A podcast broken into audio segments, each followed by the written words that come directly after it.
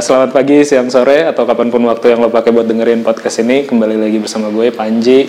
Dan kali ini di sebelah gue udah ada Andriadi. Hai. Kalau ada kalau ada yang dengerin podcast gue dan gak tahu Andriadi nih keterlaluan sih. Wah, biasa aja. Biasa, biasa aja. Udah sepuh startup Bandung, mungkin player di Indonesia juga. Ya. Ya, lumayan lama, lumayan lama. Lumayan lama. Yuk bisa perkenalkan diri Oke, dulu. ah. Halo, eh, gua Andri. Eh, sekarang jadi kuli di Dicor dan Dicor X itu perusahaannya yang saya bikin dan sekarang ya dipercaya jadi CEO-nya. Eh, mungkin kalau perjalanan sih lumayan lama ya udah in total 15 tahun mungkin ya sebagai 15 tahun. 15 tahun sebagai entrepreneur. Eh, cuman memang basic atau background gue memang di engineers gitu ya, engineering ya gue engineer. Eh, ya sampai detik ini pun masih sangat highly involved di engineering. Sehingga mungkin mungkin eh, apa yang kita bisa obrolin hari ini bisa jadi ini juga kali ya pelajaran atau mungkin eh, antisipasi juga kali ya buat para engineer yang mau jadi entrepreneur gitu. Entrepreneur. Nah, itu berat sih gitu ya. Oh berat ya? Berat sebenarnya. Kemarin sebenarnya gini, apa ya? Bulan beberapa bulan yang lalu lah, beberapa bulan yang lalu tuh gue sempet gue gue sharing di gue FT backgroundnya ya teknik fisika, lo kan fisika ya. gue sempat sharing di eh, ITB apa di FTI waktu itu untuk anak-anak baru lah. Eh, disuruh ngomongin eh, kenapa milih FT kayak gitulah intinya biar memotivasi anak-anak baru ini gitu kan. Kalau gue waktu itu bilangnya dan gue ngebawain tema waktu itu tentang eh, tentang eh, engineering dan entrepreneurship. Gue bilang di situ salah satu poinnya adalah engineering tuh cukup eh, mumpuni apa cukup cocok lah untuk jadi entrepreneur karena ada beberapa kapasitas yang menurut gue eh, i- apa ya eh, sesuai. Satu kaitannya sama analytical thinking dan problem solving itu satu. Yang kedua attention to detail kayak gitu-gitu. Engineer tuh kan kayak gitu banget lah. Apalagi entrepreneur juga kayaknya mencakup itu. Ya ada beberapa poin kayak gitu lah menurut gua waktu itu. Kalau menurut lo justru malah tidak mendukung tuh. Oh enggak, enggak sangat, sangat, sangat mendukung, sangat, sangat mendukung. Maksudnya gini, eh, engineer itu adalah makhluk yang terbiasa dengan eh, kompleksitas ya gitu ya. Iya. Jadi when we deal with complexity, eh, I think engineer memang orang yang tepat gitu loh, eh, yang untuk untuk deal with that gitu. Eh, so dalam entrepreneurship dalam kita ngejalanin perusahaan kan kompleksitas tuh jadi bagian ya dari keseharian. Nah sehingga bagi engineer tuh sangat eh, biasa dan dan sebenarnya cukup ini ya cukup gampang lah ya untuk dealing with complexity gitu. Eh, justru yang gua concern adalah dealing with people sebenarnya. Oh. Karena engineers kita biasanya dealing with uh, Things. things gitu ya, apa pun itu, code, komputer, beton gitu. ya. Eh, apalah gitu, rumah, bang- bangunan, jembatan mungkin. Ya things yang basically eh, Bisa kita kontrol. sangat reaktif gitu. Jadi misalnya aksi aksi sama dengan reaksi lah. Gitu. Ah, oh people deh. Kalau Enggak kalau oh, kalau kalau things Nah, oke. Jadi reaksinya itu adalah uh, highly uh, predictable gitu. Hmm. Jadi ya kita artinya kalau kita kalau teman-teman adalah coder ya kalau salah ya dikasih tahu salahnya di mana gitu kan. Ah. Iya kan. Exceptionnya jelas line berapa gitu, apa Ah. problemnya. Tapi kalau kita dealing with people kan nggak gitu gitu. Ah. Kita nggak tahu salahnya di mana gitu. Uh, kita harus pintar menginfluence, kita harus pintar mencari tahu gitu. Gua kira itu tantangannya sebenarnya. Ya bukan berarti kita nggak bisa ya. Cuman ya keep in mind ya antisipatif juga bahwa itu PR besar sih menurut gua gitu. Eh, engineer uh, dealing with people-nya yang akan sangat susah ya. Hmm. Uh, Kalau dia sebagai otaknya problem solver dan lain-lain, oke lah kayak gitu ya. Bisa. Iya, semangatnya artinya tadi kalau masalah kompleksitas secara umum apalagi kayak ya gue karena gue selain engineer ya emang backgroundnya kalau fisika kan sains gitu ya. Eh, kalau sains sih memang kita udah biasa eh, dealing with eh, problem solving sampai ke level uh, root cause gitu. Hmm. Jadi kalau kalau jobnya kita di fisika itu semua masalah di dunia makroskopik ini bisa diturunkan dengan dari hukum Newton katanya. Selesai udah gitu ya. Nah, jadi apa pun masalah itu bisa sebenarnya bisa turunkan dari hukum Newton. Ya artinya kita bisa berpikir sistematis seperti itu. Iya, iya. Nah, cuman kan tadi kalau when we deal with people misterinya banyak aja gitu. Iya, iya, iya. Ya tadi kita harus pintar mengorek. Apalagi misalnya gua sekarang dalam fase eh, transisi dari mungkin waktu 15 tahun gua mulai, 15 tahun yang lalu gua mulai, tim gua mostly seumuran, ya kan. Iya, iya. Eh, artinya mungkin generasi X, generasi eh, early early millennials lah gitu. Eh, nah, sekarang kan eh, hampir semua semua bahkan sekarang saat ini semua tim gua adalah eh, millennials. Bahkan udah ada juga generasi Z sekarang gitu ya. Hmm. Generasi Z tuh yang lahir 2000 ya? 2000-an gitu ya. Nah, itu sangat challenging gitu ya. Waktu itu kita pernah bahas juga di Star Bandung how to deal with millennials. Iya, iya. Ya gue sebenarnya masih belum tahu caranya, honestly gitu. ya. so mengalir aja. Nah itu eh, generation gap itu ya Kerasa. kerasa sekali gitu, Hmm. ya, kerasa sekali dan ya masih belajar sih sampai sekarang. Gitu. Eh, iya sih kalau di fisika ya, atau di engineering secara umum ketika kita mau mengetahui suatu black box kita kasih input aja kan ibaratnya kita kasih input Outputnya udah kebayang gitu. outputnya seperti apa itu kita bisa baca lah black boxnya gitu ya sedangkan kalau ini variannya terlalu banyak ya Iya. dealing with people ya input, nggak yang dengan- sama makanya aksi nggak sama dengan reaksi gitu. Ah, iya. gitu aja karena ada energi yang terbuang ke mana nggak tahu gue gitu nah itu tuh Nah ini kan lu udah jalanin eh, angkatan 99, lulus 2000, 2003. 2003. Eh, gue masuk tuh 2006. Tapi udah jadi kita mungkin nggak nggak sempat ketemu berarti beda 8, nah iya beda 8 tahun kan, beda, beda angkatan eh 7 tahun ya, Iya. angkatannya beda 7 tahun. Udah semenjak lulus langsung bisnis.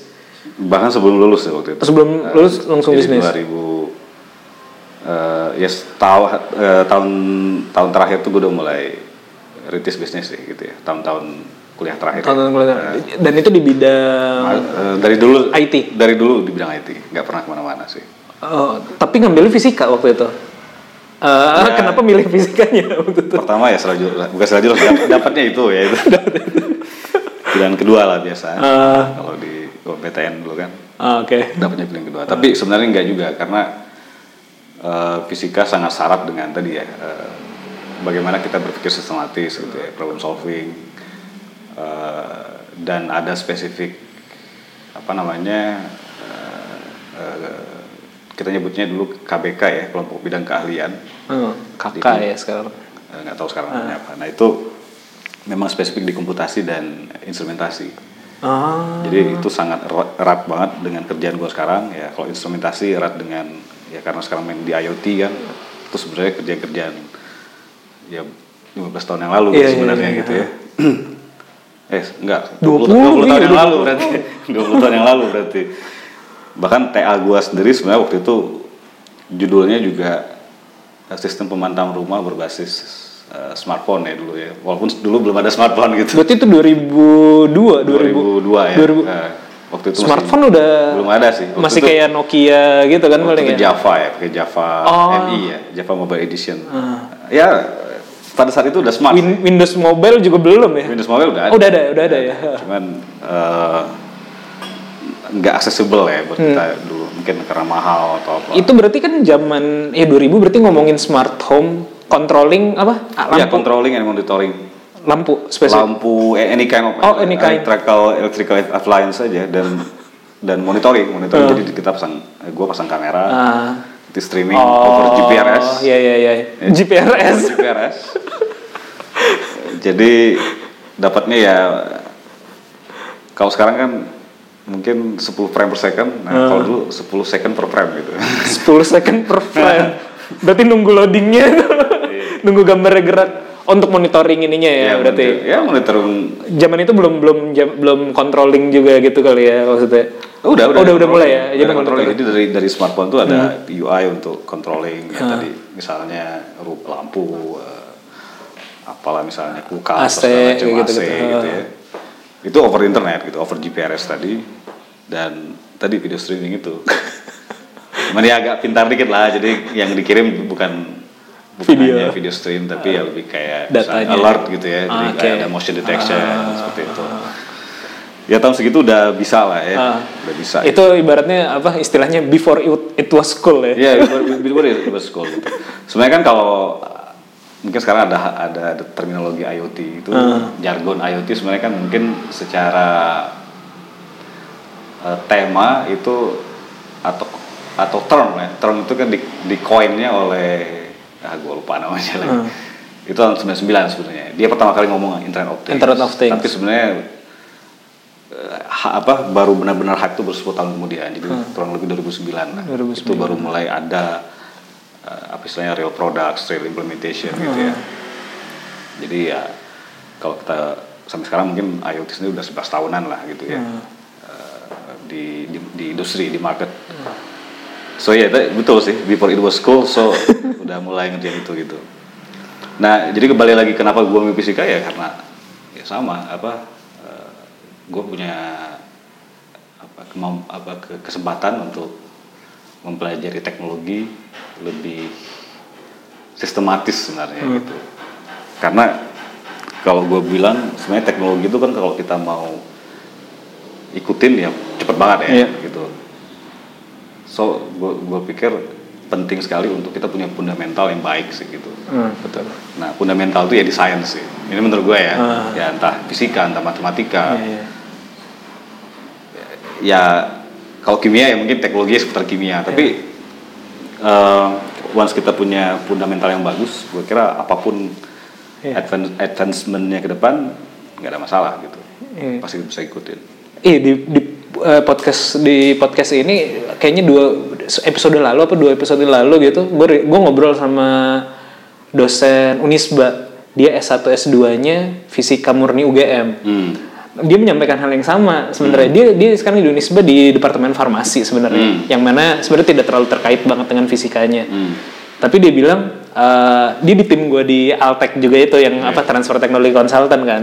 Kita ngobrol-ngobrol macem-macem Eh, dia waktu itu sempat sekolah di Jerman juga. Gue tanya "Eh, menurut lo kenapa di Indonesia kurang kurang apa ya kurang terlalu cepat mengadopsi, mengadopsi teknologi atau ketinggalan mulu lah kayak gitu nah salah satu jawaban dia adalah dia bilang tuh karena kita tuh eh, banyak ngadopsi itu teknologi tepat guna lah atau apply science lah kalau dalam konteks yang lebih ini. Sedangkan apply science tuh eh, apa ya gerbang depannya aja Iya. fundamentalnya basic science basic kan science. gitu. Makanya kenapa kita ketinggalan? Karena kita basic science yang nggak diperkuat kampus-kampus didorong untuk apply science, science, kan ya. atau Yang apply teknologi gitu. Jadi oh bener juga dan sejalan juga sama yang lo bilang. Jadi kan ya kita karena mungkin dijajah Belanda kali ya. Jadi kita itu kan jauh banget. kita itu kan follower ya kita biasa menyenangkan orang gitu. Iya, iya, iya. inlander dan lain-lain lah itu banyak ceritanya. Cuman maksudnya kita kita follower lah. Kita cuma mengikuti tren gitu. Tanpa tanpa punya basic sebenarnya gitu so yang namanya ngikutin tren kan orang udah ke mana pasti yang namanya follower pasti di belakang Iya, dong iya, iya. nggak mungkin follower tiba-tiba di depan gitu nah karena kita nggak nggak kuat ya eh, ya dari fundamental science-nya gitu ini kalau kita bicara engineering ya engineering itu kan how to implement science Iya, kan gitu. apply ya. Nah, tapi sainsnya sendiri nggak terlalu kuat ya. Misalnya eh, dari mulai gue bilang dari bibitnya pun kita udah salah ya dalam hal misalnya eh, di beberapa universitas terkemuka gitu untuk masuk sains itu justru passing passing grade-nya tinggi gitu bukan Oke. passing, passing grade-nya rendah gitu Iya, iya. Ini kalau kita kan sains fisika matematika itu passing grade-nya cukup rendah ya MIPA lah ya. Iya, MIPA itu cukup rendah gitu. Sementara engineering malah tinggi gitu. Iya, iya, justru, justru malah orang-orang pintarnya malah masuk ke engineering. Iya, iya, bukan betul masuk ke juga science ya. gitu kan. Kecuali emang dia dari awal udah punya greget ke science. Ah, iya jadi iya sih. itu Dan- udah dari situ udah salah sebenarnya gitu. Eh, dan terbukti ya banyak juga lah teman-teman yang DO segala macam itu kan karena ya gue juga cukup bersyukur sih bisa bisa bisa melewati itu gitu ya bisa melewati empat tahun dengan ya alhamdulillah laude sih gitu. Oh, Gitu ya. Jadi itu mah bukan sekedar melewati, pinter. tapi ya inilah maksudnya pain, painful lah painful gitu. Eh, iya sih makanya yang temen gue itu bilang juga eh yang tadi yang anak fisika UGM itu dibilang emang eh, salah kalau ya tadi eh, engineering lebih dihargai baik secara nominal ya secara realnya ada secara nominal Iya. pekerjaannya dibayar lebih tinggi Iya. dibanding dengan researcher Researcher, lah, kayak yes, gitu sih yes. Iya itu miris ya miris miris sebenarnya. Tapi ya di sisi lain eh, ya itu kenyataan hidup yang yang harus dihadapi gitu. ya.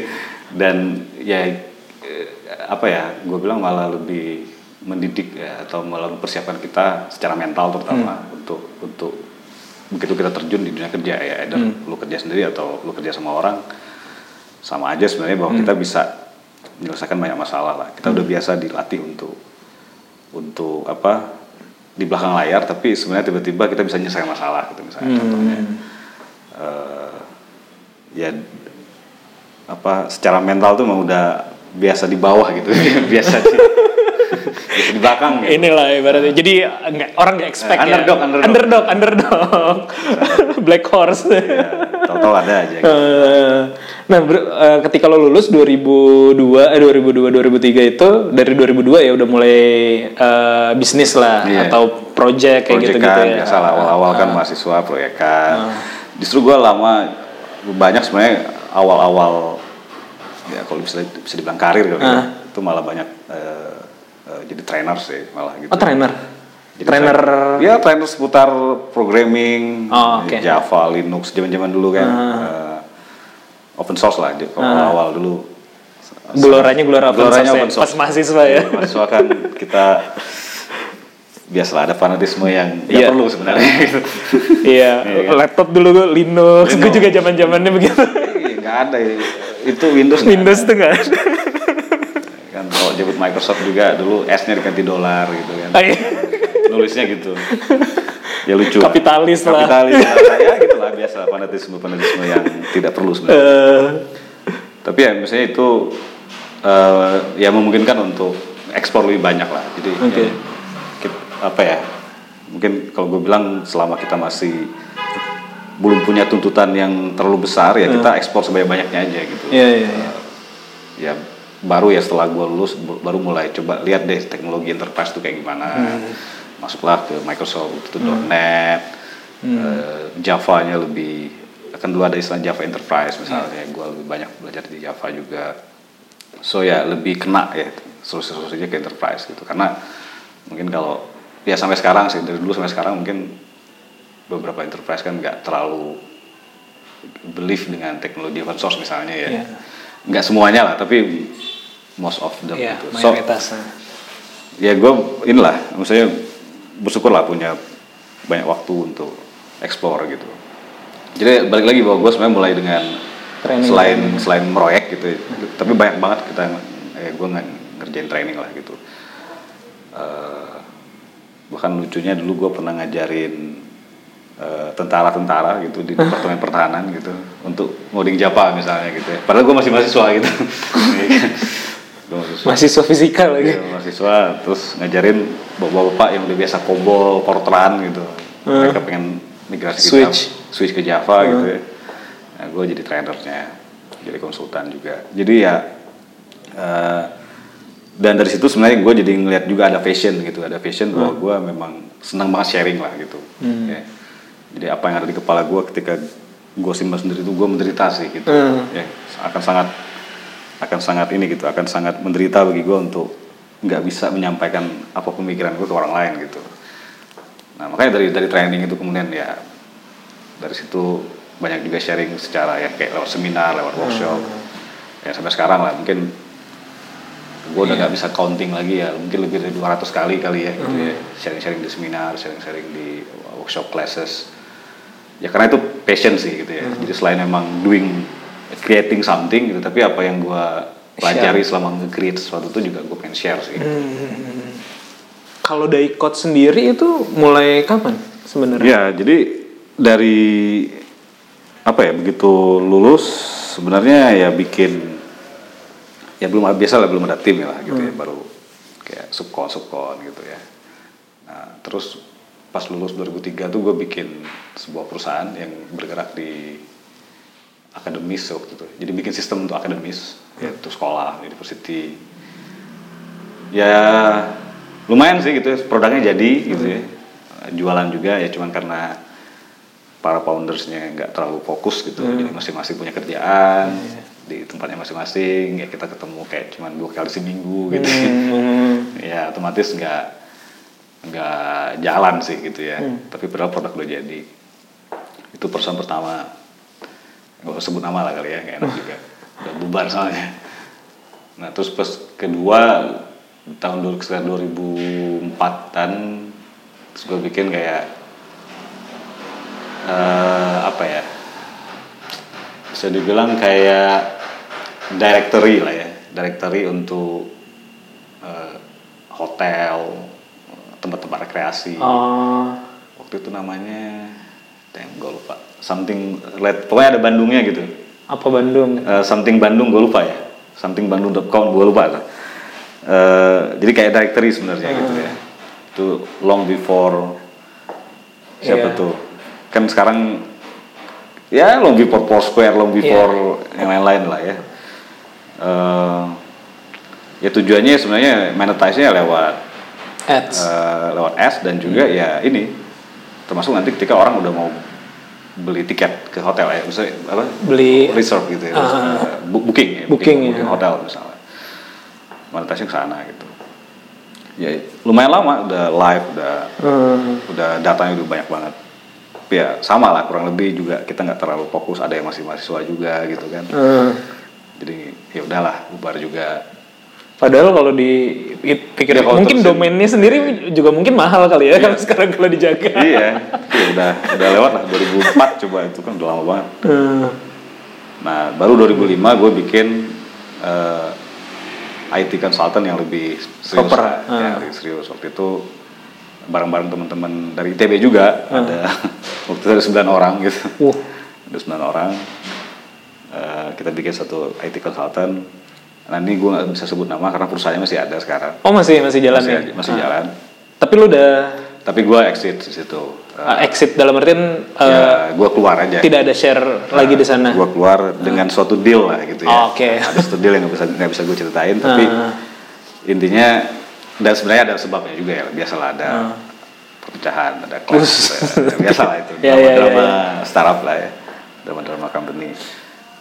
Jadi kita waktu itu selesai dengan damai gitu ya, kita ada deal tertentu ya akhirnya gue keluar, ya bikinlah Daikot. Daikot. Jadi sebenarnya Daikot itu udah perusahaan yang keempatnya gitu. Uh, berarti 2005. 2007 gitu. 2007. Oh, berarti di di IT konsultan tersebut Ya, dari sebelum 2004 itu, 2007. ya, 2005 sampai 2007. Oh, 2005 sampai Nah, 2007. dua tahun. Ya di situ juga kan gue jadi banyak banyak ini juga ya banyak klien juga banyak opportunity banyak kerjaan Hmm. Iya, iya, portfolio juga gitu. So ya lebih confidence untuk benar-benar sendiri waktu itu. Hmm. Nah, cuman di Daiko sendiri sebenarnya nggak nggak nggak sendiri banget sih. Hmm. Cuman artinya inisiatifnya pure dari gua waktu itu ya. Nah, kalau yang sebelumnya kan kita benar-benar Bareng-bareng. bareng-bareng gitu. Tapi ya di Daikot gue ngajakin waktu itu ada enam orang foundersnya. Eh, ya founders itu kan artinya yang ada di akte gitu ya. Iya, ah. yang ada di akte pendirian itu ada enam orang. Cuman sama dalam Keberjalanannya. perjalanannya ya ada ya biasa lah ya, Ah. ada drama, ada clash. Tapi thankfully kalau di Daikot sih kita nggak nggak pernah masalah yang berhubungan dengan duit ya kali ya. Tapi lebih ke masalah misalnya Attitude gitu. Eh, bukan, lebih kayak ya misalnya ada tuntutan orang tua, eh lu harus Oh, ini dong, kerja dong. kerja dong, Hmm, segala macam hmm. gitu. Jadi Tidak stabil, tidak kayak kayak gitu, ya. itu kan, jadi ya udahlah. Jadi tahun kurang lebih tahun kedua itu tiga Berguguran. orang eh, berguguran, tiga orang cabut, sisa tiga orang, terus di tahun ke tiga atau keempat gue lupa, tinggal gue sendiri. Dari enam orang, tersebut. Nah, Jadi tahun keempat kalau nggak salah itu tuh tinggal gue sendiri. Ya udah. Hmm. Padahal waktu itu udah ada udah ada klien, Oh, udah ada banyak, tim udah juga banyak. gitu-gitu ya. Tim ya kalau yang namanya IT consultant kan tim tuh naik turun Naik ya. turun. Nah, tapi ya bisa sampai 100 orang Hmm. bisa, ya bisa cuman 10 orang ya tergantung tergantung project lah tapi maksud gua secara nama secara portfolio Hmm, Udah bagus dan udah terbang. award juga sih ya ya thankfully ya Daikot dari awal kita berdiri 2007 ya lum, banyak juga sih awardnya gitu ya jadi misalnya dari 2007 kita bikin solusi-solusi berbasis Microsoft pun Hmm. Waktu itu kita udah direcognize oleh Microsoft. Ih kalau nggak salah gue baca lo kan MVP. Ya MVP, kalau MVP itu MVP itu maksudnya gimana sih? uh, most va- Valuable. valuable professional ya. Kalau kalau MVP itu lebih ke personalnya gua gitu. Oh lebih ke personal ya. Jadi ya personal as a professional ya, maksudnya tapi mengikatnya ke personal, Bukan ke Daikot sih. bukan ke maksudnya. company gitu. Hmm, Oke. Hah. Uh, ya kalau MVP itu lebih kayak karena gua banyak sharing di uh, Oh. community terus dan sharing itu spesifik untuk technical expertise tertentu gitu. Dalam kasus ini gua sekarang kan di Azure ya, di Hmm. di cloud gitu. Di Cloud Azure ya. Uh, jadi ya MVP-nya Azure. Tapi ya long before Azure ya dulu gua banyak ba- Sharing, pernah sharing. juga fokus di mobile misalnya, makanya pernah jadi MVP dari Windows Mobile misalnya. Oh. Terus pernah juga di teknologi Office misalnya gitu ya. Hmm. Uh, Microsoft Office ya gue pernah juga. Jadi tergantung fokus fokus teknologinya. Tapi kalau Daikot sendiri sebenarnya direcognize karena ya kita punya produk waktu itu yang di develop dengan teknologi Microsoft gitu end to end.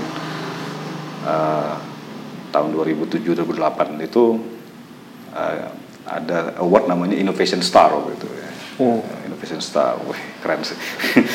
itu karena ya kita di di saat mungkin uh, perusahaan-perusahaan yang lain ya lebih fokus ke teknologi sebelumnya ya kita udah mulai adopsi .NET waktu itu gitu, Hmm. secara lebih dalam. .NET kan baru ya tahun-tahun Iya. 2000-an itu. Uh, ya ya thankfully di recognize lah gitu ya. Terus ada beberapa award-award lain ya banyak sih mungkin 10 lebih kali gitu. Hmm. Ya artinya secara perusahaan, secara nama, secara portfolio gue bilang sih Secara perusahaan bertumbuh, Tumbuh lah, portofolio tumbuh. banyak, Ah. Sudah direcognize gitu Iya, ya. Cuman gitu. tetap aja tadi eh, di tahun keempat kelima itu Iya. pada foundernya ya, foundernya pada cabut gitu ya. Hmm. Ya artinya memang ada Cabut for goods atau kalau lo nggak mau Kind jawab of. juga nggak apa-apa sih. Iya damai lah ya. Damai lah ya. Ah, Gue oke. nggak pernah sih eh, apa namanya kelas berpanjangan gitu Ah, Cuma maksudnya pasti ada sebab lah gitu Ah. yang yang yang nggak bisa diceritakan lebih detail lah. Gitu. Ah, Oke.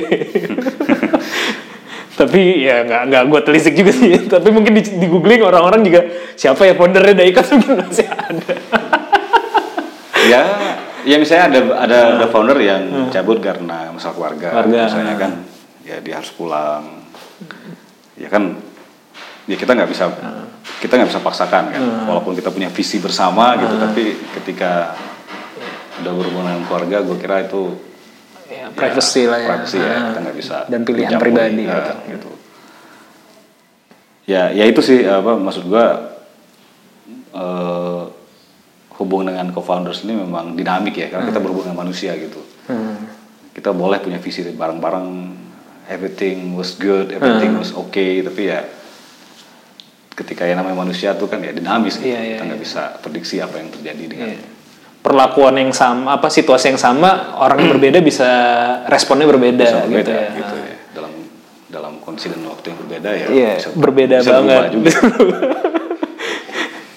nah itu sebenarnya balik lagi bahwa ke topik awal kita tadi bahwa that's my challenge as an engineer gitu Iya, iya. ketika dealing with people gitu.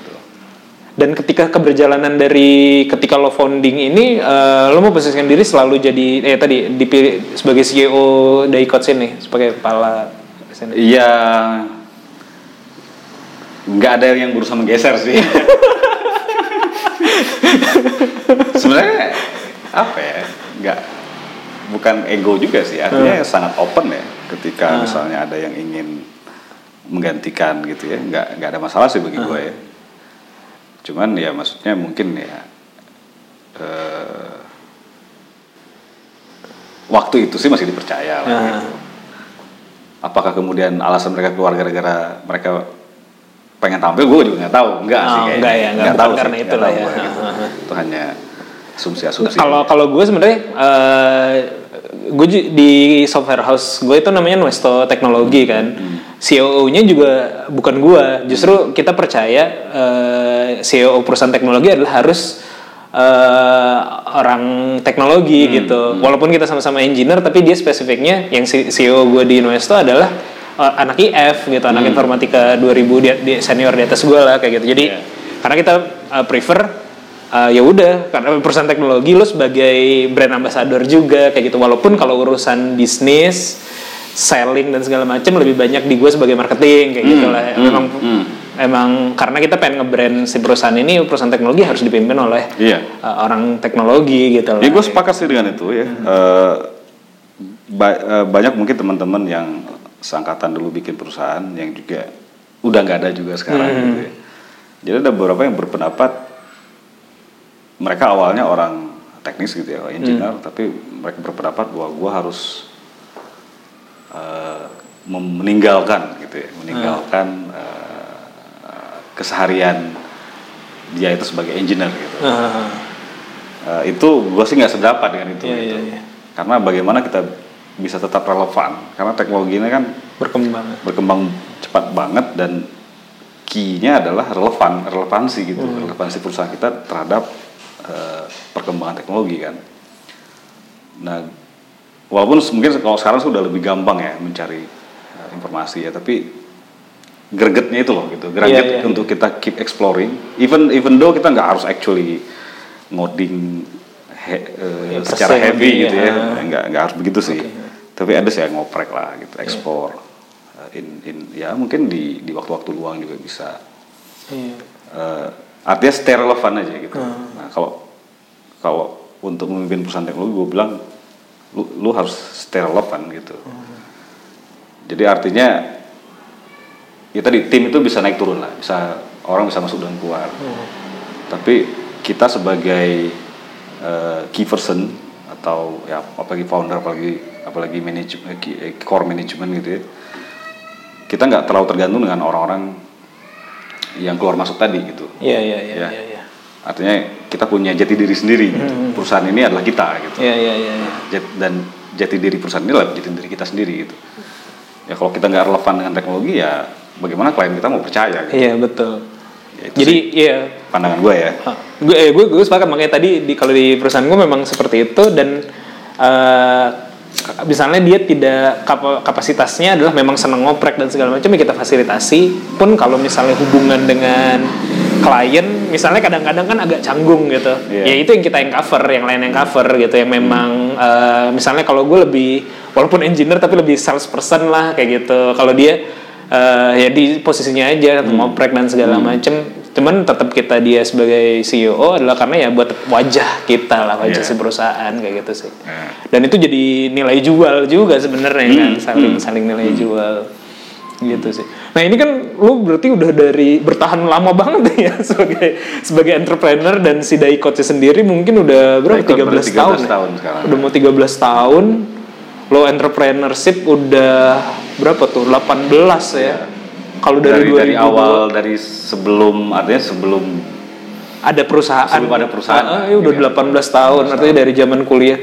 Gue baru entrepreneur mungkin ya gue dari lulus kuliah 2011 baru 9 tahun setengahnya. Jadi tadi kan kita ngobrol sebelum ini ya semua masalah yang gue hadapin pasti udah pernah lo lalui lah ya berarti mungkin. Most likely. Apa yang membuat lo bertahan sepanjang ini gitu? Bisnis kan nggak mudah Gini, ya. Iya iya. Jangankan lu yang bertanya gitu ya. Eh, istri gue juga bertanya kenapa lu bertahan? Gue juga nggak bisa jawab sebenarnya Ah. secara gamblang ya. Eh, secara jelas secara precise gue gue nggak bisa jawab sebenarnya Hmm. tapi mungkin eh gue lebih ngelihatnya tanggung jawab aja sih gitu ya Hmm. tanggung jawab bahwa hidup gua itu bukan punya gua gitu Hmm. mungkin itu ya yang yang yang Filosofinya filosof, filosof- filosofinya gitu Oke. Eh, hidup gua tuh bukan hanya punya gua gitu tapi Hmm. punya orang lain ya dalam dalam dalam menganut atau mengimplementasikan filosofi itu memang berat ya bahwa kita sering lah ya artinya dalam perjalanan selama itu ya udah belasan tahun itu pastilah sering kerjaan juga gitu sering dikadalin juga itu udah udah pasti lah gitu. Kesel juga sih kadang-kadang ya ngapain sih mikirin orang gitu daripada Iya. orang kenapa nggak mikirin sendiri, diri sendiri gitu ya. Tapi ya setiap kali kalau ditanya pernah mau menyerah wah itu udah nggak dihitung lah gitu ya. Ya namanya juga manusia ya.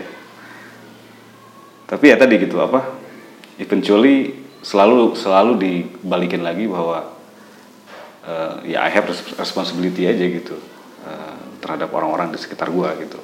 Siapa pun itu yang sedang ada di sekitar gua gitu.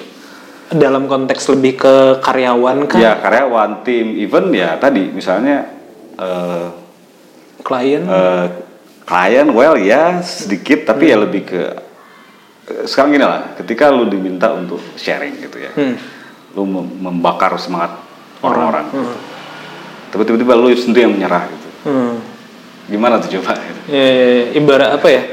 Makan omongan sendiri, Iya, Pak. menjilat Maksudnya kan, ludah sendiri. eh, menjilat sendiri kan itu kayaknya kayaknya ya ya nggak tahu sih sebenarnya nggak penting juga sih ya gitu Hmm. Iya, kalau iya. dipikir ngapain sih mikirin kayak gitu tapi eh, agak berat gitu agak berat gitu. Untuk gua ninggalin ninggalin ini gitu.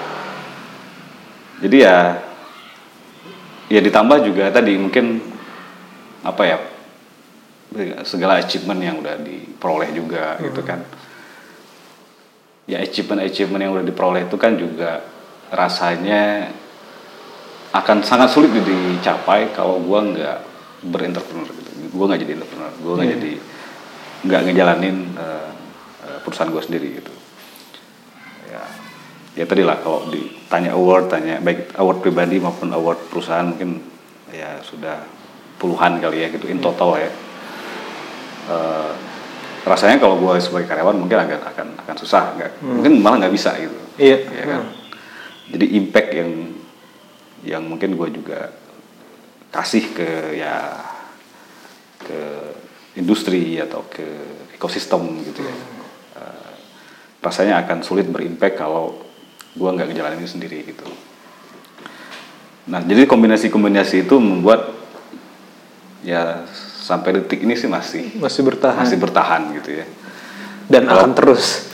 nggak tahu tahu. jadi kalau Setidaknya sampai hari ini. iya maksudnya kalau tadi lah kalau ditanya yang pernah menyerah ya pernah pengen menyerah Ah. itu udah udah nggak hitung lah Dan sebenarnya jawaban paling waktu itu gue sempat eh, kont- berkontemplasi juga ya dalam dalam konteks kenapa entrepreneur gitu. Jawaban yang paling ini karena udah jadi pilihan aja sih ya sebenarnya. Karena sebenarnya udah jadi pilihan hidup aja Hmm. udah kita menjalani pilihan hidup kita gitu kan. Kadang-kadang kan orang suka compare dengan "Eh, lu sulit lo kalau kerja stabil, kalau kerja eh, apa kayak gitulah Hmm. banyak-banyak hal-hal gitu. Cuman ya ujung-ujungnya kayaknya udah jadi embed dalam Ya. satu keputusan dan ya pilihan hidup gitu ya jatuhnya. maksudnya gini kalau sulit nggak sulit kan mau jadi apa aja pasti sulit sih Iya betul. mau jadi apa aja Iya, pasti iya. sulit Pasti ada mau jadi apa aja juga apa senang Iya ada iya senang iya. ada sulitnya Ada senang ada sulitnya ya sebenarnya. so gue nggak melihat bukan masalah itu sih tapi kadang-kadang filosofi awal gue untuk bertanggung jawab tadi itu Hmm. atau ya berimpact ya kadang-kadang eh, itu jadi bumerang buat gue gitu Hmm. ya itu yang kadang-kadang membuat ya kalau ada perasaan atau keinginan untuk menyerah tuh ya kadang-kadang triggernya seperti itu Oh, oke. jadi misalnya ya, ya dalam perjalanan ini banyak lah gitu misalnya key person atau co-founder yang nakal gitu yang Hmm. Ya kan tadi kan gua gua gua tadi nggak belum belum selesai tuh ceritanya sebenarnya jadi Ah. dari sejak dari sejak eh, 2000 apa ya tahun keempat gua sendiri terus kan gua ngajakin lagi orang-orang lain gitu ya oh, eh, hire co-founder baru. ya ya bisa dibilang eh, inilah nyari co-founder biar oke. sama-sama kita mikirin kan jadi bukan hanya hire as a karyawan tapi juga lebih deep lah ini Hmm. involvementnya Em, ya ada yang berakhir dengan baik gitu ya Hmm. nggak usah sebut nama gitu tapi ada juga sebenarnya yang tidak baik sama sekali jadi Hmm. malah belakangan ini dramanya makin makin seru gitu ya dibanding awal-awal waktu dulu gitu Iya, iya. Nah di saat itu kan ketika kita berpikir oh, kita ingin berimpact, kita ingin bertanggung jawab pada lingkungan, pada orang sekitar kita. Tapi hal-hal seperti itu justru malah jadi bumerang gitu. loh. Iya, malah iya. jadi lu sendiri yang capek, lu sendiri yang menderita gitu Oh kan. iya iya. iya. Ya itu sih. Tapi ya so far masih ya tadi lah keinginan untuk tetap eksis dan tetap eh, menjaga eksistensi gitu ya. Menjaga eksistensi sebagai orang yang ya ingin punya impact gitu. Hmm. so far itu masih menang gitu ya. Hmm.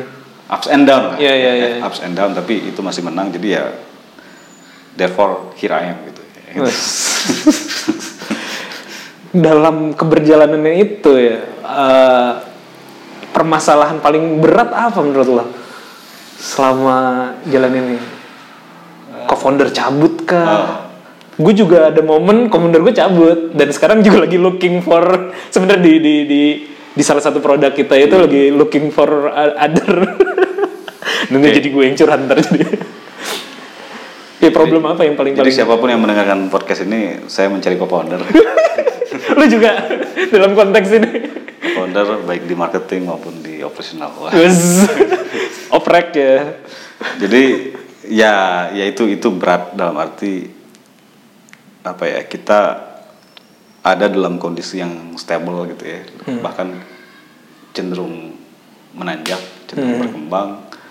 Tapi justru di saat-saat itu eh, waktu-waktu yang rentan gitu. Iya. waktu-waktu yang rentan di mana orang ya tadi dia tadi karena kita, manusia manusia itu dinamik kita nggak tahu apa yang terjadi di belakang di sekitar teman-teman kita co-founder ini. Di saat itu kadang-kadang ada ya itulah ada kondisi-kondisi yang membuat mereka harus cabut baik apa pun alasannya ya. Apa pun alasannya mau jelek mau acceptable mau mau nggak acceptable. Tapi kan eventually ya itu devastating aja sih. Ya, merusak aja tatanan yang udah kita bangun itu.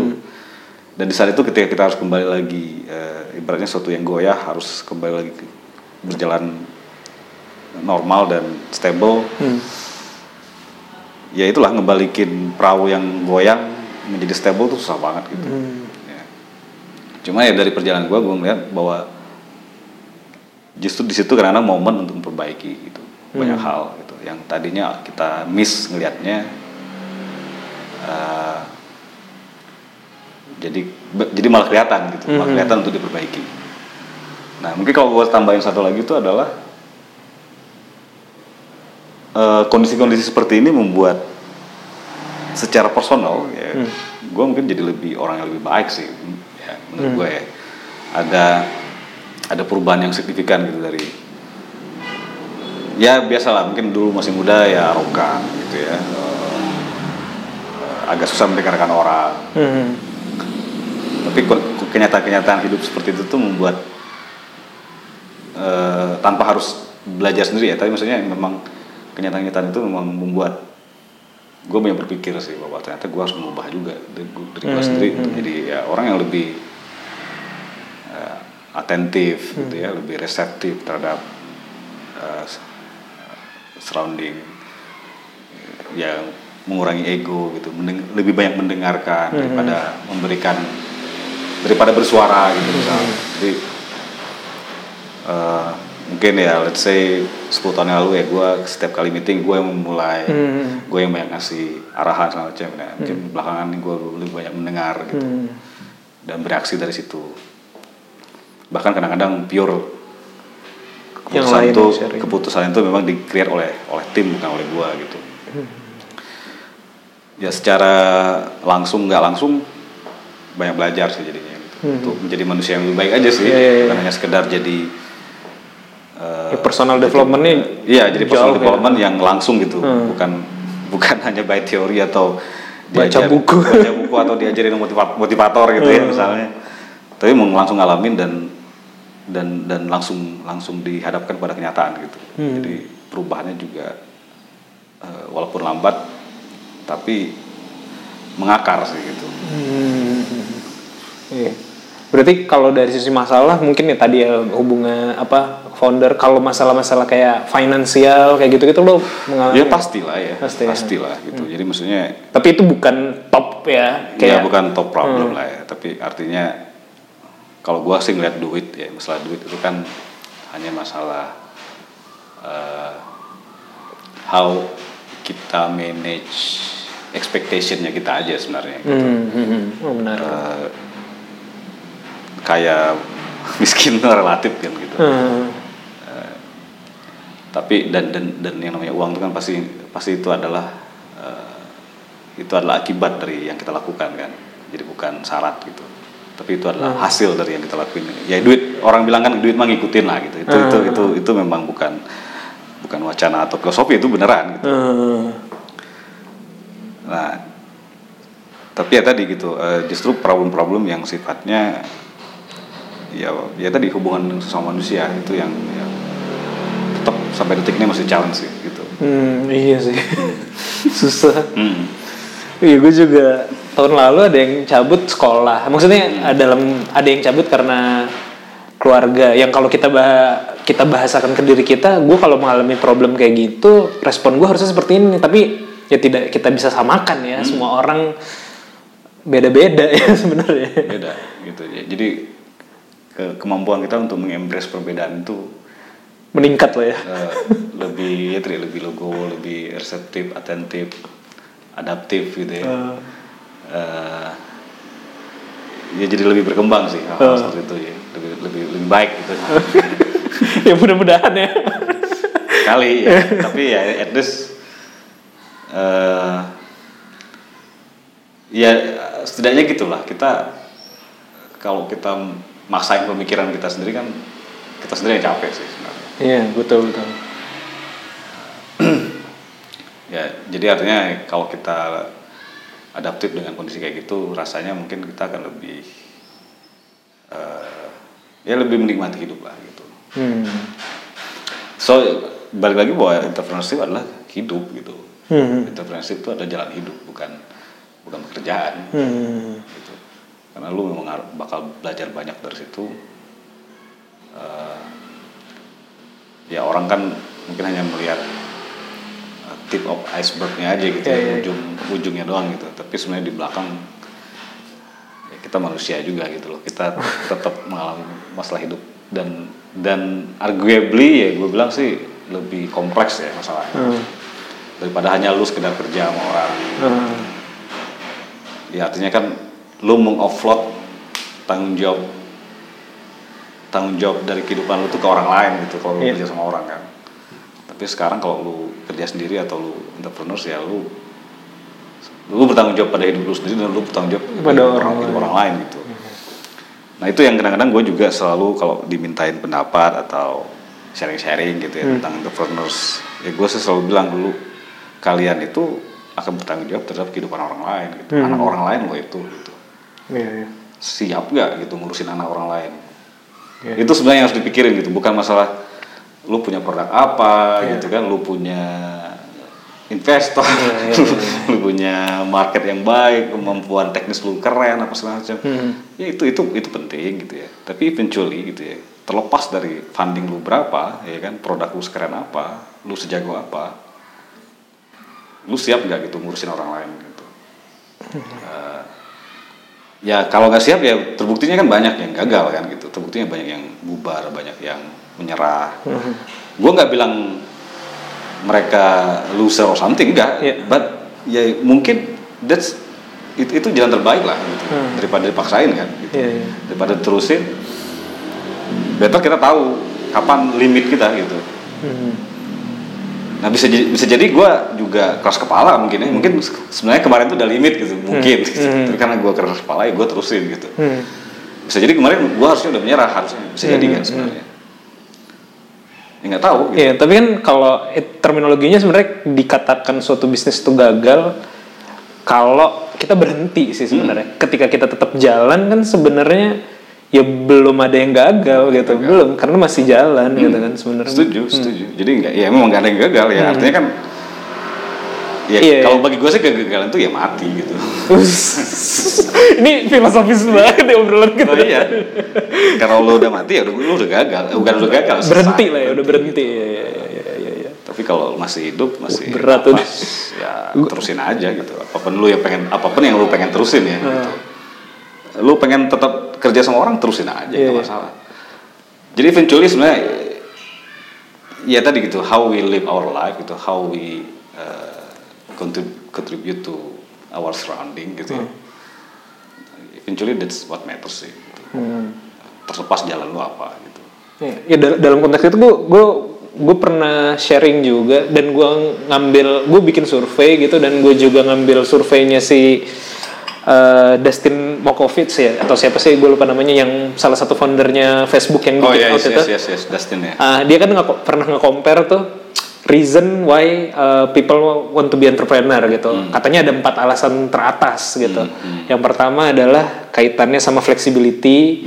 Yang kedua adalah uh, uh, apa jadi bos sendiri, my own boss gitu. Yang ketiga kaitannya sama gue lupa apa yang ketiga pokoknya uh, yang satu lagi adalah uh, making more money kayak gitu, making more impact kayak gitu ya. Gue gue lupa satu lagi. Nah, cuman dia mengcompare bukan mengcompare ya. Dia menubrukkan hal-hal itu dengan realita. Hmm. Contohnya adalah ketika dia bilang flexibility, orang mau flexibility, tapi sebenarnya being entrepreneur tuh bukan fleksibel, tapi lo 24 hours 7 days a week alert gitu.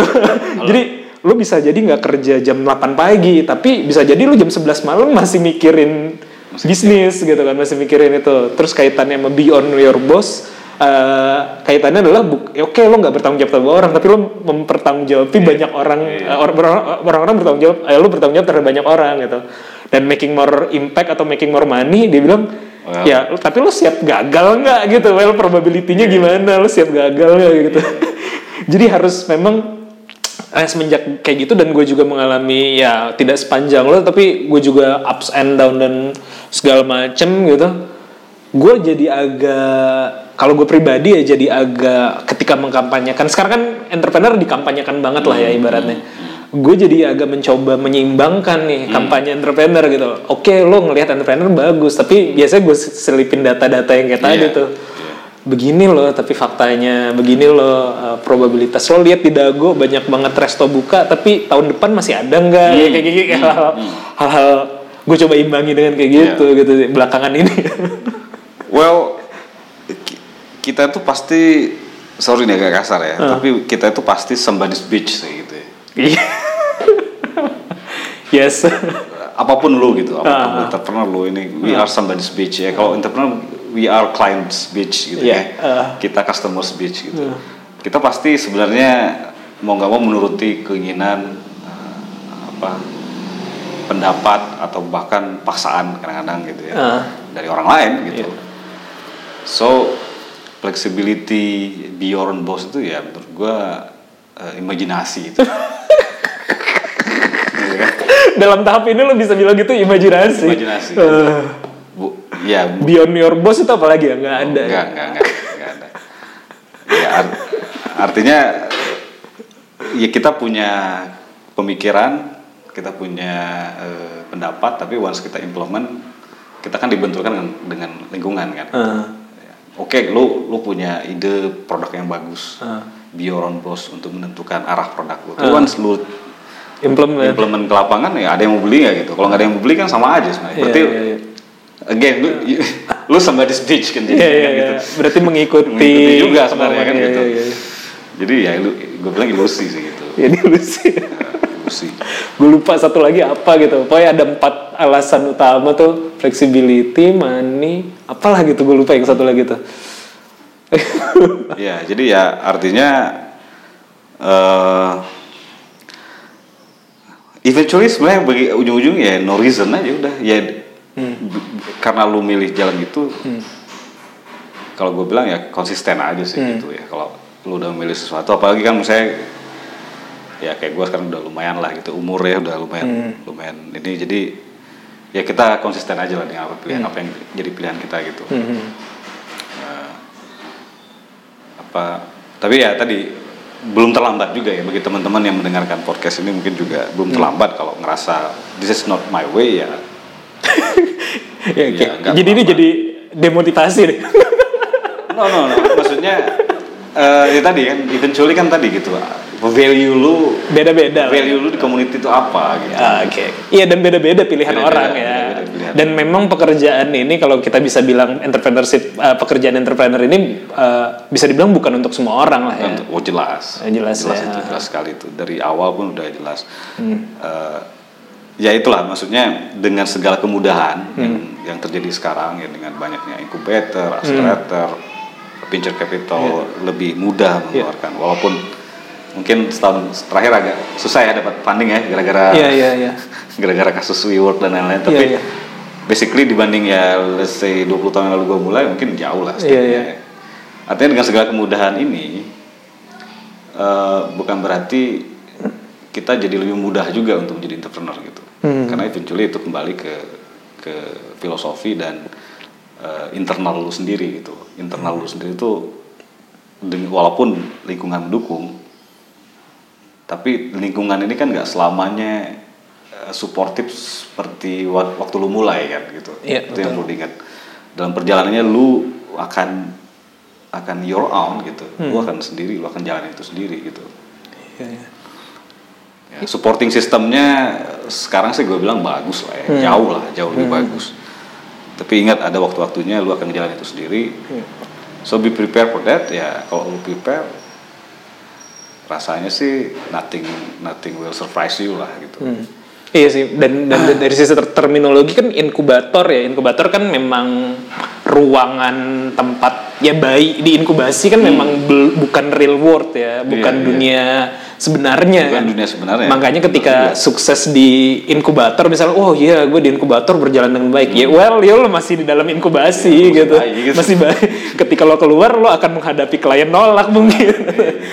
ya tapi tapi ya betul better sih jauh-jauh dibanding zaman gue aja ketika gue dulu eh, gue dulu nggak di IT sebenarnya di awal banget jauh, jauh banget dari inilah apalagi hype hype startup kan baru mungkin eh, lima tahun lah baru ada terminologi ini berkembang ya inkubator zaman gue juga jauh banget. Mentor nyari mentor nyari tempat orang belajar Iya. gitu. Eh, ya masih jauh, jauh jauh lebih berkembang sekarang. Tapi tapi tadi poin paling penting sebenarnya kalau gue lihat adalah eh, yang mungkin miss juga di kurikulum kalau ada ya kurikulum pembelajaran startup atau yang diajarkan di inkubator adalah terkait mental sih. Kayaknya gue gue ngikut beberapa pernah beberapa inkubator kayaknya poin itu kita dapetin di lapangan gitu Iya, nggak nggak ada. Betul betul. Eh, ya kan di, di, di idea of incubator and accelerator kan supaya lu stay di program kan? Iya iya.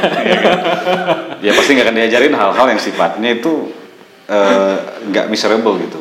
Ya kan? Iya betul. Kalau misalnya how you Develop find, find your, customer uh, how you scale your product itu kan semuanya miserable Iya, gampang iya. lah itu gitu ya. Ya gue nggak bilang gampang tapi maksudnya Terukur lah. terukur Iya, terukur ter- bisa dipelajari dengan mudah gitu. Ah.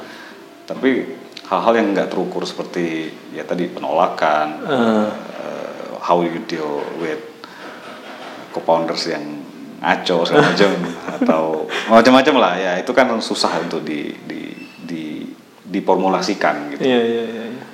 itu sih iya mental mental itu ya Iya. nah ini kan lu udah jalan lama nih ya kan gue gue gue lihat uh, beberapa uh, waktu ini uh, naik peak naik naik lagi dengan beberapa varian produk gitu kan smart ternak Iya, iya. lo dengan uh, sempet ngikut program YC ya, atau Google ya Google Demo Day ya gitu. Eh, Google Demo Day gitu kan. Terus juga kalau nggak salah kemarin gue Iya, lihat sinergi sinergi BCA. inkubator eh, accelerator ya. Iya. Eh, lu tetap keep up eh, apa sekarang lo tipenya adalah lo coba eh, tidak menjalankan eh, daikot ini S daikot tapi bikin eh, anak perusahaan di situ yang Hmm. naik masing-masing atau bagaimana?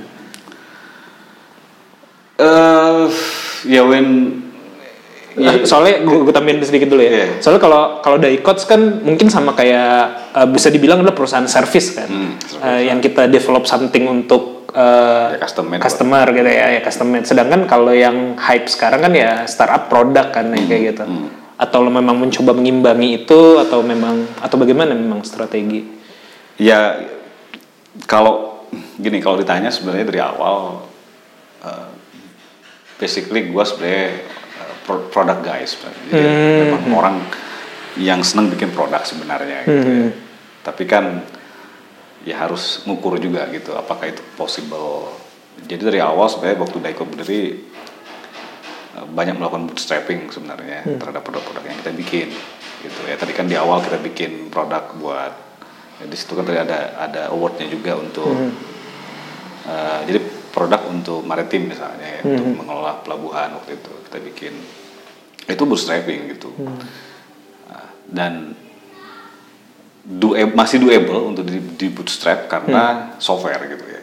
Iya. ya pure software. Artinya kita hanya invest di orang dan secara aset mungkin nggak terlalu perlu banyak gitu ya. Nah cuman belakangan ini kan ketika kita mau eh, jump into IoT terutama ya yang apalagi yang yang heavy terhadap hardware gitu ya udah nggak bisa sendiri sih. Udah nggak bisa bootstrapping gitu. Awalnya kita bootstrapping sebenarnya sih dan perlu gue ceritain bahwa ketika kita bikin nah, ketika kita terjun di IoT itu sebenarnya bukan karena hype juga sih. Sebenarnya waktu itu ada kebutuhan malah gitu ya. Dan setelah gue lihat eh, ini mainan gue dulu gitu. Ya kan waktu 10 tahun yang lalu gue masih kuliah. Bahkan tadi nggak gue ceritain sebelum gue kuliah gue di SMK dulu gitu SMA-nya gitu. Dan Oh, SMK? gue SMK gitu gue STM gitu Di, di gue STM penerbangan waktu itu di oh di Cimahi ya? Enggak, yang di Pejajaran situ. Oh. Yang jalan jalan Pejajaran itu kan ada STM penerbangan.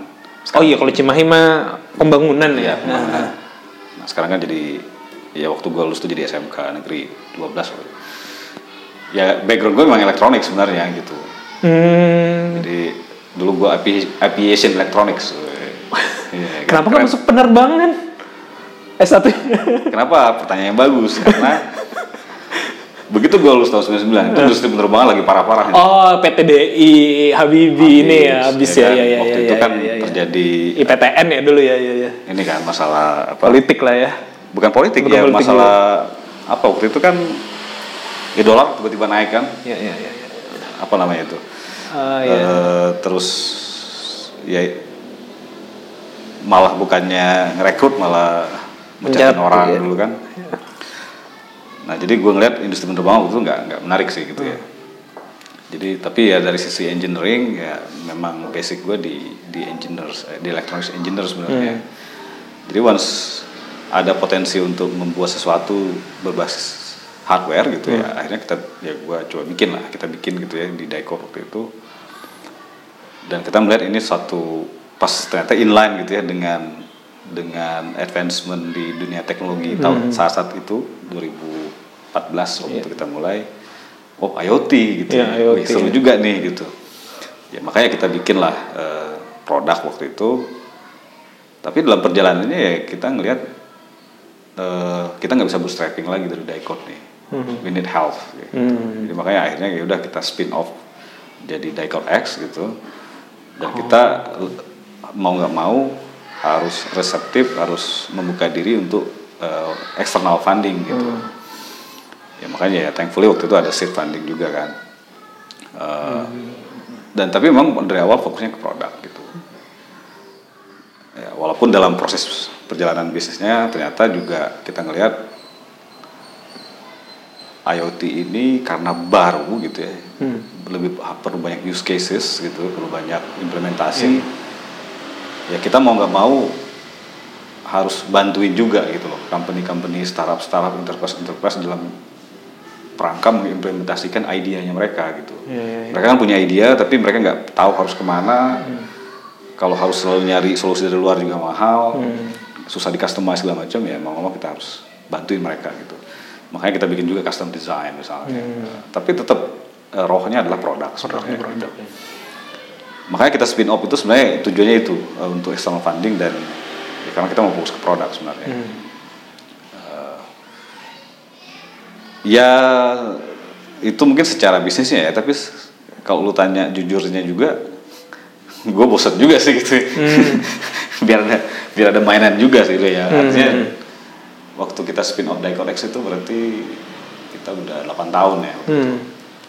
Hmm. ya dengan segala drama yang tadi gue ceritain kan ups and downs-nya ya bosan juga sih sebenarnya tapi toh bosannya gue kan masih di area teknologi juga gitu Iya, iya. Nggak tiba-tiba gue jualan baju kan iya, Ya, iya. artinya masih masih tetap eh, masih tetap dalam satu eh, Area lah. area dan dan saling mendukung lah gitu Iya, iya. ya Diecode sounds and well sekarang masih tetap jalan gitu Hmm. ya artinya dari sisi software kan tetap kita nggak ngebedain lah eventually kan sebenarnya eh, it's all about technology aja sih Hmm. gitu. mau software mau hardware mau kombinasi keduanya itu is all about technology how we how technology can solve problem saja sebenarnya itu jadi malah lebih eh, eh, complementary sekarang White ya, malah lebih luas ya jadinya Iya. jangkauannya ya. Iya sih. Kalau nggak salah juga, gue nggak tahu apakah ini publik atau infonya di publik. Gue ada temen gue yang di ngerjain dia tuh ini, lo kenal Mas Adit nggak Adit Gama Tekno? Oh kenal banget. Kenal banget kan? Dia kan bikin, dia tuh teman gue dua tahun atau tiga tahun lalu ngikut Australia Award Hmm. bareng sama dia. Terus kita jadi deket lah semenjak pasca itu. Kalau nggak salah waktu itu dia sempat bilang dia bikin Indo Bike atau Jogja Bike ya. Di, disupport sama Daikot. Yes. Bener ya? Betul itu. Atau lu part of their venture? No, no, no, no. Atau di Uh, support produknya aja? Kita ya kita pro- support produk eh, technically aja. Jadi end to end teknik Ah. technicalnya dari software hardware kita yang support gitu. Ininya yang buat lock dan apps-nya juga gitu. Ya, semuanya. Oh, semuanya ya. Semuanya. Oh, bener berarti. Soalnya waktu itu pas dia ke Bandung, Ji eh, kenal Daikot, oh kenal, gua ini apa sering sharing lah, gue bilang kayak gitu kan si ininya gitu. Kenal kenal. Oh, Cuman ya belakangan mereka decide untuk kerja sendiri, kerja sendiri ya. Tapi artinya untuk awal. Ah. pas awal ya. Jogja Bike itu kan yang Iya. pertama kali hype banget dua tahun atau tiga tahun lalu ya, kalau eh 2018. 2018 ya, dua tahun yang lalu ya. ya. eh, waktu itu launchingnya Oktober Oktober 2018. Ah. Jadi setahun setengah lah. Ah. Ya, kita bantuin mereka. Ya itu salah satu contoh yang gue bilang custom design tadi. Custom kan. design itu ya. Artinya kita eh, untuk supaya mengenable eh, para startup ini untuk segera implement ide dari M- at least bikin MVP lah gitu. Ah. Supaya produknya bisa di scale ya sebelum di scale kan ya harus ada bentuknya dulu kan. Iya, iya, itu iya, kita iya. bantuin. Mungkin ya ada kalau software lebih lebih mudah ya untuk Iya. untuk, untuk getting started tapi once Hardware cara hardware agak agak rumit gitu. so ya that, that's di situlah kita hadir lah gitu ya untuk membantu teman-teman ini. Iya sih. Tapi gue nggak tahu sih scaling nggak sih yang Jogja baik atau Bali bikin Bali juga kan eh Denpasar ya mereka ya. Oh, gue pikir Kan udah belakangan mereka bik- mereka re- rename ya namanya jadi Indonesia Bike, Ina Bike jadinya. oh ini baik. ah. Tapi memang uh, gue nggak bisa cerita lebih Oh iya, iya. nggak gue pikir lo eh, apa ya eh, co-invest atau di apa Nggak, di nggak. nggak kayak di, Jadi di ini aja di pure- hire- pure pure kita project gitu ya. Ya bisa bilang project. Ah. Ini mungkin terakhir ya sebelum terakhir itu udah lama panjang juga. Eh, kan sekarang nih eh, oke lo bikin venture venture apa di spin off lah dari Daikot X nya juga lo di spin off apa segala macam untuk men- menarik external funding. Di sisi lain eh, tadi juga sempat lo singgung eh, perjalanan sudah panjang artinya usia makin eh, makin menua gitu kan. Sedangkan kan banyak juga startup-startup lain yang ya 20-an lah gitu. Gue udah 30-an juga nih sekarang. 31 ya gitu kan. Eh, lu merasa insecure nggak terhadap kehadiran mereka? Oh atau- enggak enggak enggak. Sangat enggak lah. Dalam Maksudnya- konteks kompetisi. Dalam konteks Ah. kompetisi enggak lah. Maksud gua eh gua sampai detik ini gua masih merasa umur 27 tahun kok gitu. Forever 20. Forever 27 gitu. Ini, ini idealisme berhenti di situ. ya, secara fisikal dan mindset ya masih masih merasa muda gitu. Eh, Ya memang sekarang tidurnya udah nggak bisa kurang dari 8 jam sih sekarang kalau kalau agak-agak kurang udah, udah kayak orang bego aja gitu kan. Ya artinya eh, insecurity enggak lah karena eh gue lebih ngelihat bagaimana kita bisa collab ya gitu ya. Hmm. Eh, bahwa semua yang mungkin berpotensi jadi kompetitor ya kenapa nggak kita berpikir sebagai kolaborator gitu ya. Eh, itu satu. Kedua eh, terutama untuk ya industri baru kayak IoT kayak AI gitu ya. gue ngelihatnya bagaimana semakin banyak ya, success story gitu. Itu penting sih menurut gue karena dengan banyaknya success story berarti eh, market trust akan meningkat gitu ya. Khususnya terhadap eh, solusi lokal gitu. Oke lah kalau lagi-lagi tuh, kalau di luar 10 tahun terakhir ya IoT udah berkembang sangat-sangat pesat gitu ya, sangat menyentuh banyak hal gitu, banyak banyak vertical solution. Tapi eh, di Indonesia ya masih belum banyak success story-nya, eh, belum ada implementasi yang masif juga kan kalau kalau kita bicara IoT mungkin berapa 50 billion device dalam 2023 gitu Iya. misalnya. Well itu kan hanya hanya hanya prediksi ya. Nah. Kalau nggak ada yang benar-benar actually Steve Case ya dari Steve Case ya. banyak eh, banyak, banyak lah ya, banyak dari Garner dari segala macam ya Ah.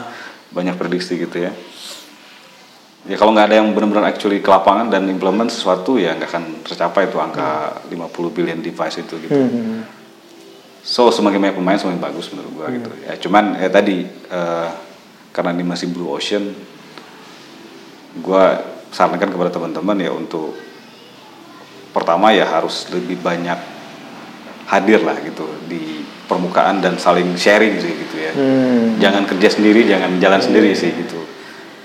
Ya, kayaknya better together sih daripada kerja sendiri ya karena kita dalam posisi rentan sekarang di mana market trust itu sangat dipertaruhkan ketika kita deliver sesuatu tapi nggak implementable nggak sukses nanti ada suatu wacana umum bahwa wah ini IoT nggak bener nih gitu Hmm. Padahal ini kan bukan hype ya, ini adalah uh, logical advancement dari teknologi gitu. Ya memang harus memang harus ke sini arahnya gitu. Hmm. Jadi AI IoT itu bukan hype menurut menurut gua gitu. Itu udah harus Iya iya diimplementasikan. Iya. Iya tadi kalau kalau gue bilang kenapa uh, Steve Case itu karena gue baca bukunya juga tuh dia kan ngebagi ya kayak tiga tiga fase teknologi gitu lah. Ketika di awal infrastruktur, internet, yang kedua adalah konten, Iya. yang ketiga nanti things nih. Iya, iya. Things tuh ya nanti people connect to people udah lewat, people connect to things kan. Hmm. Yes. Dan nanti akan ya itu jadi masif banget dan memang Hmm. udah jadi udah, udah wave-nya memang udah arahnya ke situ sih nggak akan bisa Hmm. Iya, itu logical aja itu udah Hmm. nggak udah bukan hype lagi gitu.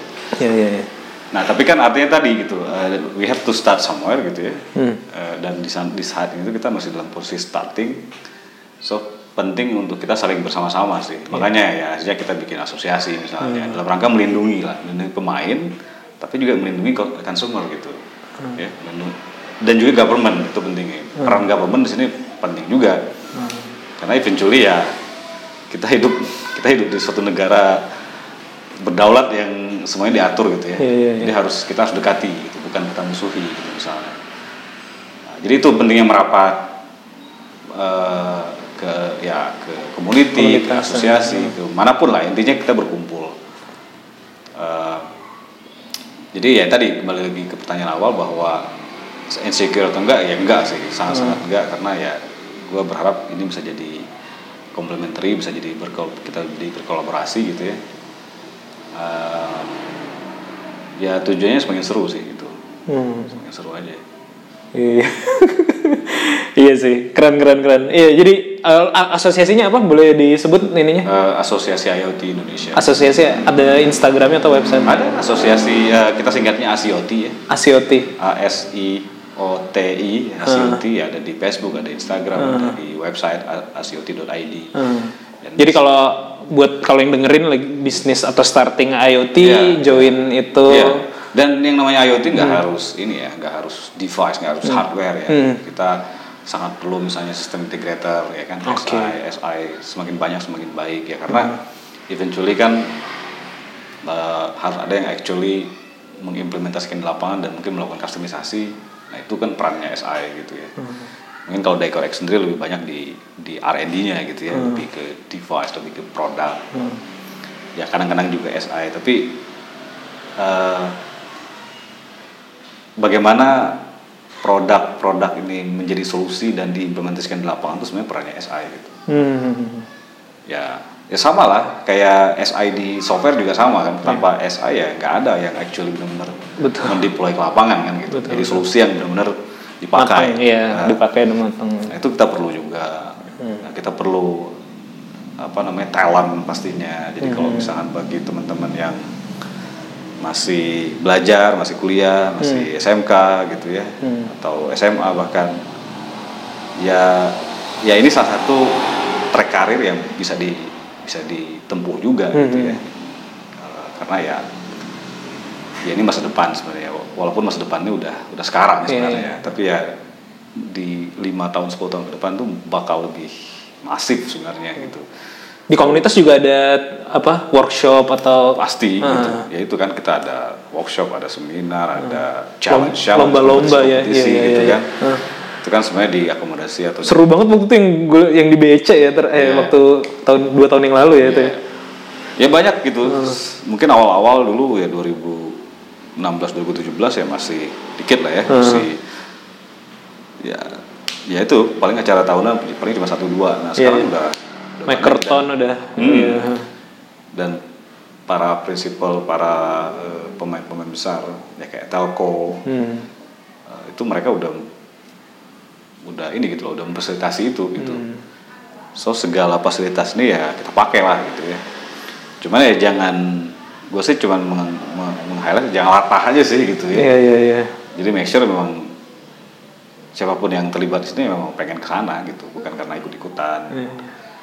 karena eventually once oke let's say lu menang kompetisi lu menang hackathon or something Uh. once ini udah harus jadi produk kan Bingung. that- that's when reality hits gitu kan. Nah siap nggak gitu?